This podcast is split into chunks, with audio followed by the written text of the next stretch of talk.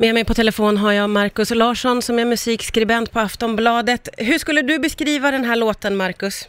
En, en poplåt som ungefär låter som mycket annat som har släppts under 2000, 2010-talet. Låter det som eh, Avicii, tycker du?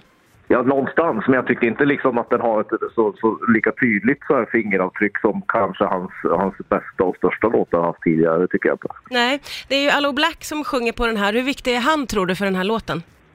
Jag tycker det, det är nästan det viktigaste instrumentet inom situationstecken. Det är han som ger det här bitet och den här produktionen någon sorts, något sorts liv. Mm. För det, det som, som är bra med låten är ju att det är ju en det är ju för att vara en, en enkel renodlad popsingel så är det en stark text i den. Mm. Det är ju lite som en kortfattad sammanfattning av det vi såg i, i, i den omtalade Avicii-dokumentären. Det handlar ju om en person som, som äh, skickar ut en nödraket på något sätt, eller ja. en, en nödsignal och som vill hitta något annat än att befinna sig i något mörker med, med massa droger. Ja, och, och, och når det ut även i den här låten menar du?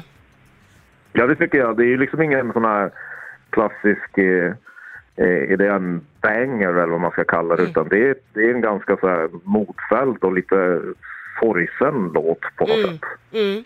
Det ska ju komma ett helt album i juni. Vad tror du vi kan förvänta oss av det då? Det har jag faktiskt ingen aning om. Uh, vissa av de som har sammanställt har ju sagt att det är liksom som en återgång till Aviciis tidigare uttryck. Eh, det kändes som att, att, att Avicii jobbade lite grann med att lämna de här klassiska basingredienserna i EDM-genren och, och, och närma sig ett annat poputtryck. Men, men eh, det, det, får vi se när vi får höra skivan. Mm. Eh, om den här låten ger en fingervisning så hoppas jag personligen, om, om vi tar bort låten ur sitt tragiska sammanhang ja. och att den, det har ett gott syfte, så, så, så, så, tror jag inte att, att den här låten skulle någonsin kommer räknas till någon av Aviciis starkaste och, och jag hoppas att det är Ja, jag hoppas att den plattan innehåller något mer än något som väldigt lätt kan härledas till Sheerans Shape of You.